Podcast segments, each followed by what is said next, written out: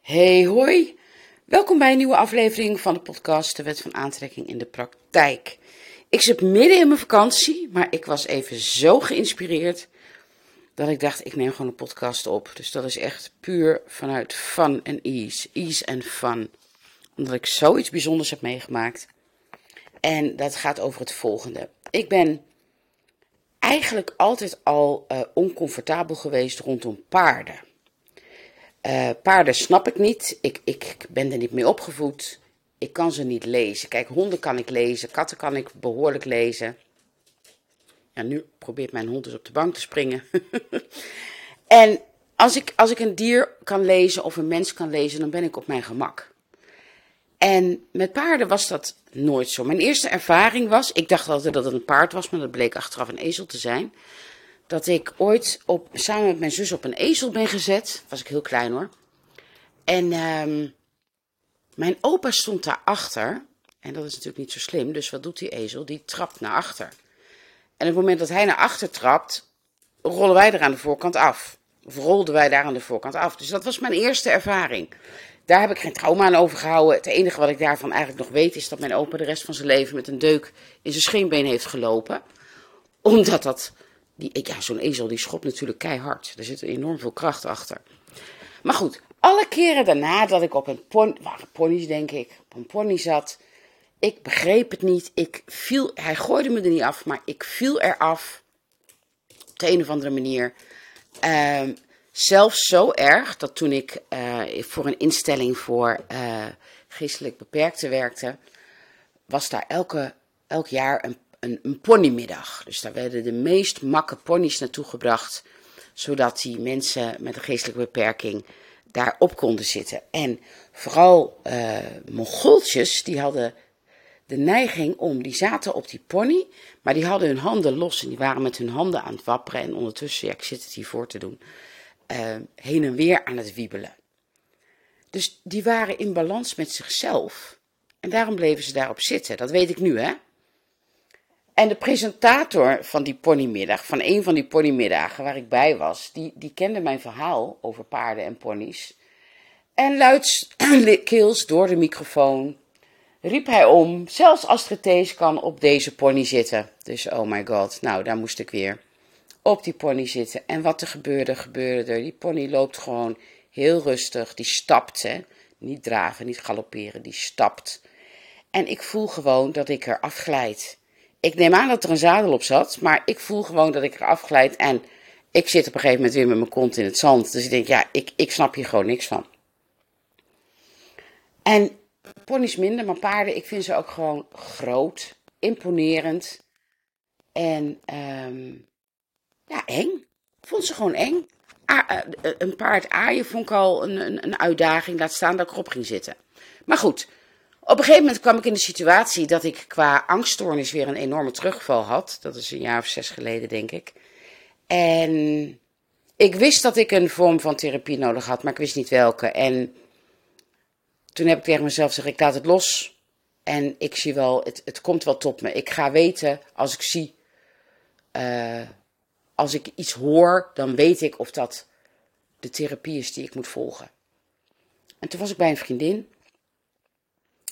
En die, uh, we zijn gewoon in gesprek en uh, ze loopt even naar de keuken, ze komt terug en ze gooit een foldertje op, op tafel voor mijn neus. En ze zegt gewoon, ja, misschien is dit wat voor jou. Paardencoaching. En ik krijg meteen kramp in mijn maag. En ik, ja, ik vloekte erbij en ik zei, ja, dit is dus wat ik moet doen. GVD, wat heb ik hier geen zin in. Maar ik voel aan alles dat dit is wat ik moet doen. Nou, die zaten, ik woonde toen in Amerongen en dit zat in Overberg. Dus ik daar contact mee opgenomen. Zij had daar namelijk, die vriendin had daar zelf hele positieve ervaringen mee. En haar partner ook. En ik voelde het gewoon. Dat is gewoon mijn intuïtie die enorm versterkt is sinds ik met de wet van aantrekking bezig ben. En als ik dat zo voel, dan weet ik, ja, je kan het wel ontkennen, je kan er van weglopen. Maar ik wil van die angst af. Dus ik contact opgenomen. En uh, ik kon, geloof ik, al vrij snel terecht, dat weet ik niet eens meer. En de eerste keer gingen we dus naar de, naar, naar de stal. Nou, dat deed dan de coach of therapeut. Die haalde die, dat paard, enorm beest, uit die stal. En die werd in een soort bak, ja, een bak heet dat geloof ik, gezet. En ja, zegt ze. En nu moet je erop. Ik zeg erop? Erop? Dat hoefde mijn vriendin namelijk ook niet. Maar achteraf begrijp ik waarom, want die was erg zwaar. En dat zou dan een beetje sneu voor beest geweest zijn. Of ze kwam er gewoon niet op. Want ik moest op dat paard zonder zadel, zonder teugels, zonder stijgbeugels. En de enige hulp die ik kreeg was dat zij mij een soort van knietje gaf, zeg maar. Zij ondersteunde mijn knie en dan moest ik springen. En dan hing ik als een soort zak aardappel over het paard en dan moest ik er zelf op zien te komen. Nou, daar moest ik wel even, even, even over nadenken. Want ik denk, maar ik val eraf, ik kan het niet, ik durf het niet, ik vind ze eng. Uh, je kent het wel, die hele ratelmachine die dan in je hoofd aan het werk gaat. Hoe dat precies ging, weet ik niet meer, maar uiteindelijk ben ik erop gekomen en dat was een positieve ervaring. Dat paard stapte heel rustig in die bak rond. En ik dacht, wauw, dit is gaaf, dit is gaaf. Eraf komen was weer wat anders, want ik, dat moest ik ook zelf doen. Nou, ik kwam eraf, maar ik viel ook meteen lang uit op de grond. Nou, ik ben ook niet de handigste wat dat betreft, moet ik eerlijk toegeven. De keer erop kwam ik daar en toen zei ze, ja, we gaan weer op een paard, maar op een ander paard. En dit paard uh, hoe zei ze dat nou? Pikt geen bullshit. Ik denk, nou ja, ik wist eigenlijk niet wat ze daarmee bedoelde. Maar ik had vertrouwen in haar en ik denk, het zal. Nou, het laatste wat ik me herinner is dat ik als een soort zak aardappelen over dat paard hing. En daarna weet ik niks meer. En werd ik wakker op de grond. Want ik was bewusteloos geweest. Het paard had mij eraf gegooid. En um, ik had een hersenschudding en ik had gekneusde ribben. En best wel ernstig. Uh, ik wist toen ik thuis kwam, want uh, ze, ze, had een vriendin van mij gebeld. Ik moest inderdaad een, een, contactpersoon opgeven voor stel dat. Want ja, het zijn toch dieren, hè? het zijn toch paarden. Dus die vriendin kwam mij halen. En ik was een beetje giechelig. Maar toen we bij me thuis kwamen, uh, wist ik niet eens meer waar ik woonde. Ik dacht dat ik in het bovenste appartement woonde, waar ik zeven jaar gewoond had. En mijn vriendin zegt, als waar ga jij nou heen? Ik zeg, naar boven. Ze zegt, nee, maar je woont nu hier. Je bent verhuisd uh, twee jaar geleden. Ik zeg, oh. Ik loop de woonkamer in. Oh, oh ja. En zei ze, nou, laten we eerst maar even gaan zitten en ik schenk wat drinken in. Waar heb je je glazen ook alweer staan? Ik had geen idee. Nou goed, dus dat was niet zo'n hele fijne ervaring. Ik werd er later ook angstig door. Denk, ik wist heel veel dingen niet meer. Ze moest ook bij me blijven slapen. En dan moet je om de twee uur wakker gemaakt worden. En de keer erop, nou ja, daar zat wel een week of zes tussen, want die gekneusde ribben moesten eerst ook over zijn natuurlijk. Um, kwam ik terug bij die paardencoach en moest ik weer op een paard. Nou, toen ben ik zo geflipt. Want mijn vertrouwen in haar was ook weg. Ik had op dat moment, of daarvoor namelijk, geen vertrouwen in mezelf, geen vertrouwen in het paard, maar wel vertrouwen in haar. En dat was weg. Ik denk, ja, op wie bouw ik nu dan? En als je al last hebt van angst, dan is het, uh, de behoefte aan controle is heel groot. Want je hebt geen vertrouwen. Dus heb je behoefte aan controle. Nou, dat is echt een enorme strijd geweest. Uiteindelijk heb ik, nou, misschien 20 seconden op dat paard gezeten. Toen zei ik, en nu wil ik eraf. En ik heb mezelf eraf laten glijden en ik viel weer lang uit en onhandig en onbenullig. Maar goed, dat was mijn laatste ervaring met paarden. Dat is dus zes jaar geleden. Fast forward. Ik woon nu hier in uh, Heerde. En mijn overbuurvrouw, een goede vriendin van mij, heeft ook een paard. En dat staat hier in Heerde op stal. En een jaar geleden ben ik al eens met hem mee geweest. En omdat ik wel nieuwsgierig was uh, naar die stallen. Ik zeg maar, ik kende mijn verhaal. Ik zeg, ik ben er doodsbang voor. Ik ga hem niet aaien. Ik ga van een afstand toekijken. En inderdaad, ik zorgde ervoor dat er drie meter afstand tussen mijn paard was. Want dichterbij durfde ik gewoon niet te komen. Ik vind ze onberekenbaar. Ik, ik snap ze niet. Nou, dat zei ik al. Um, en ik heb er zo'n bewondering voor haar. Wat zij is niet, helemaal niet zo groot, heel tenger kind. En, en, en die heeft zo'n paard gewoon onder controle. En daarna ben ik niet meer mee geweest. Ondertussen was ik natuurlijk gewoon met mijn werk bezig en alle methodieken die ik daarin uh, aan mijn klanten leer en waar ik zelf ook mee uh, aan de gang ben gegaan. En um, ook om angst los te laten, op welke, welke vlak dan ook. Ik, en, maar ik heb me nooit specifiek op paarden geconcentreerd. wel op controle loslaten en vertrouwen leren krijgen. En een tijdje geleden, het heb je misschien wel gehoord, die podcast, bied ik ruildiensten aan. Van, uh, hè, want niet iedereen heeft het geld om, om mijn programma te volgen, maar wil het wel. En toen dacht ik, nou weet je, ik wil het voor die mensen ook mogelijk maken. Dus als iemand een, uh, een ruildienst uh, kan aanbieden aan mij die voor mij interessant is en die de waarde vertegenwoordigt van het abonnement wat zij willen, dan ga ik daarmee akkoord. Dat geldt nog steeds. Nou heb ik mijn vriendin de Sedona-methode geleerd. En die was heel waardevol voor haar. Dus ik vertelde haar over die ruildiensten. En toen zei ze voor de gein: Oh, ik weet een mooie ruildienst. Uh, jij hebt mij de Sedona-methode geleerd, dus ik ga jou paardrijles geven. Nou, ik moest zo verschrikkelijk lachen. Ik denk, wat een humor heeft zij. Geweldig. Maar de volgende dag dacht ik, ja, wacht even. Paardrijles, oké, daar zit ik niet op te wachten. Maar ik wil wel van die angst van paarden af, want dat is weer een beperking en ik wil niet met beperkingen leven. Dus ik zei dat tegen haar en zei ze, nou dan ga je gewoon een keer mee naar stal weer. Dus dat hebben we gedaan een paar dagen later. En tot mijn verbijstering.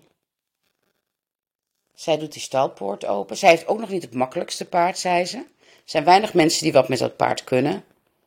Het paard heeft een traumatisch verleden, is heel schichtig, is angstig. Hè? Wat je uitzendt, trek je aan. En tot mijn verbijstering voelde ik geen spoortje van angst. Ik heb samen met haar haar hoeven uitgekrapt. Ik heb te geborsteld, ben met haar gaan wandelen. Ik heb het paard gelongeerd. Als je weet wat dat is, dan sta je in een grote cirkel en dan geef je het paard en het paard moet dan rondjes lopen. En die loopt zich eerst warm en dan geef je het commando's. Dan moet hij gaan draven, dan moet hij weer naar rust, en dan moet hij in galop. Heb ik allemaal gedaan en ik genoot ervan. Het was net een speeltuin. En als ik zei kom hier, dan kwam ze naar me toe. En dan stonden we neus aan neus. Ik heb met haar staan knuffelen. En dat hebben we nu een aantal keer gedaan. En de volgende keer ga ik erop. Want ik denk, ik wil op dat paard zitten. En dan is het hele grappige ook nog dat zij zegt. Cappuccino heet haar paard. En ze zegt: Er zijn dus nu maar drie mensen die wat met haar kunnen. Ze zegt: Dat ben ik. Dat is iemand anders die daar een paard op stal heeft. En um, wel eens voor haar paard zorgt als zij bijvoorbeeld vakantie heeft. Ze zegt: En jij? Want de meest, niemand krijgt haar uit haar stal. Want wat doet ze dan? Zodra jij de staldeur open doet, gaat ze met de kont naar je toe staan. En dat is voor haar een signaal van: ik wil met jou niks, ik wilde jou niet uit mijn stal gehaald worden.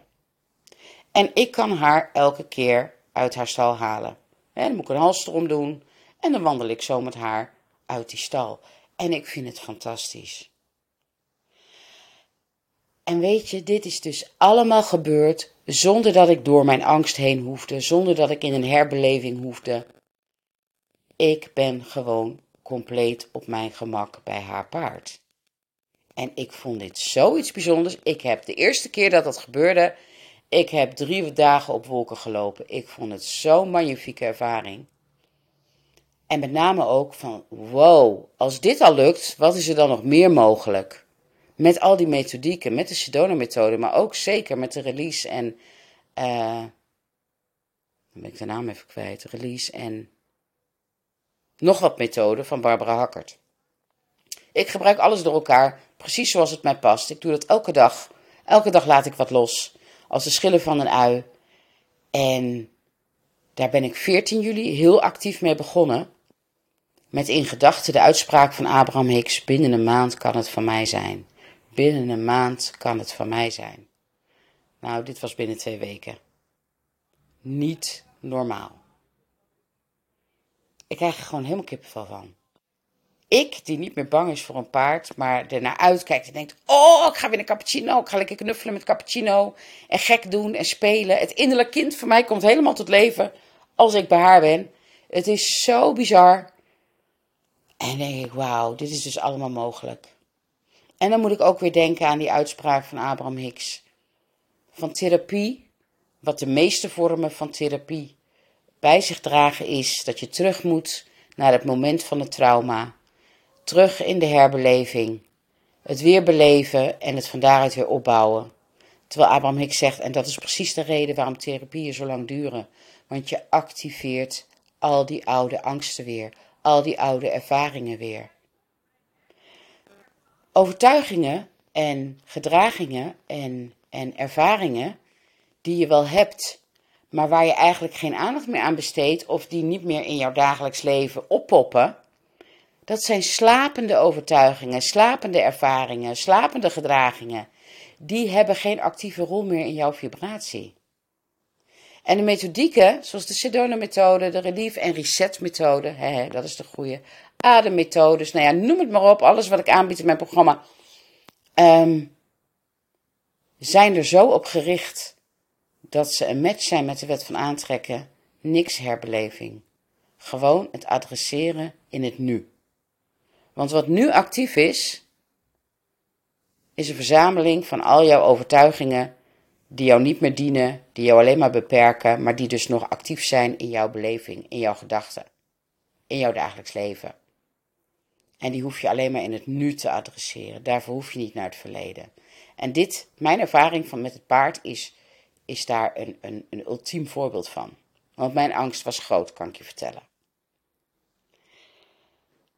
Ik vind dit zo bijzonder, dit wil ik gewoon even met je delen. Want misschien heb jij ook wel angsten dat je denkt, ja, maar hoe kom ik er ooit van af? En ik heb er al zoveel therapieën op losgelaten. En ik, ik kom er maar niet vanaf. Het kan anders. Er zijn zoveel methodieken die um, resoneren met de wet van aantrekking, waardoor het dus echt moeiteloos gaat. Moeiteloos. En dat is de kern van de wet van aantrekking. Het kan makkelijk. Het mag makkelijk. En het mag fun zijn. Het mag leuk zijn. Dus een van mijn verlangens, ik heb al mijn verlangens opgeschreven, is meer van dit soort ervaringen. Dat je op die manier al je beperkingen aangaat die jouw vrijheid in de weg staan. Want vrijheid is ons hoogste goed. Geluk is ons hoogste goed. En vrijheid maakt daar een heel belangrijk onderdeel van uit. Want als je je vrij voelt om te doen en te laten wat je wil, wow, wat een cadeau. Dus misschien inspireert het jou om ook eens anders te kijken naar de angsten die nog actief zijn in jou. Want wat een cadeau zou het zijn als je daar vanaf kan komen. En het kan, ik beloof je dat het kan. Wat het ook is. Want nu zullen er waarschijnlijk, dat is een aanname, nu kan het zo zijn dat er bij jou in je gedachten uh, dingen opkomen als ja, maar jij kent mijn ervaring niet, jij kent mijn verleden niet. Nee, dat klopt, maar jij kent het mijne ook niet.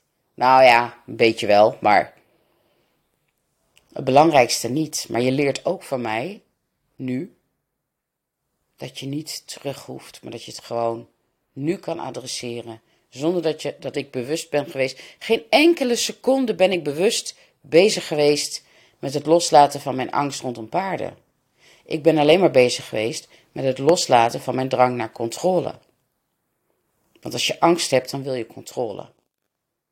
Dan heb je geen vertrouwen namelijk. Want angst en vertrouwen, dat staat tegenover elkaar. Dus ik hoop dat het jou weer inspireert om anders naar jouw eigen situatie te kijken. En misschien dat je dan ook even voelt: oh shoot, misschien kan ik dit ook wel. Hoe gaaf zou dat zijn? Als je nog geen lid bent van mijn Facebookgroep, de Wet van Aantrekking in de Praktijk, adviseer ik je echt om daar lid van te worden. Want daar deel ik, niet in mijn vakantie nu, maar na 6 augustus deel ik daar weer bijna dagelijks tips en tools om de Wet van Aantrekking te integreren in je leven. Zodat ook jij dit kan bereiken. Ik gun jou dit vanuit het diepste van mijn hart, want dat is met alles wat ik meemaak als het mij zo enorm dient, als ik zo enorm blij word van iets, dan wil ik dat delen, want dan gun ik het anderen ook. Het kan makkelijk, het mag makkelijk. Lijden is niet nodig. Dat is een keuze. Het voelt niet als keuze, dat begrijp ik helemaal. Ik heb er ook in gezeten, volledig. Maar nu weet ik en voel ik dat het een keuze is. En kun je het ook op een andere manier benaderen. Oké, ik ga afsluiten, want ik zie dat ik al bijna 20 minuten aan het kletsen ben. Niet normaal. Ik hoop dat je hier wat aan hebt. Heb je nog vragen, dan kun je me die stellen. Uh, die beantwoord ik na 6 augustus. Ik wens jou een hele fijne zomer. Make the most of now. En het was heel gauw.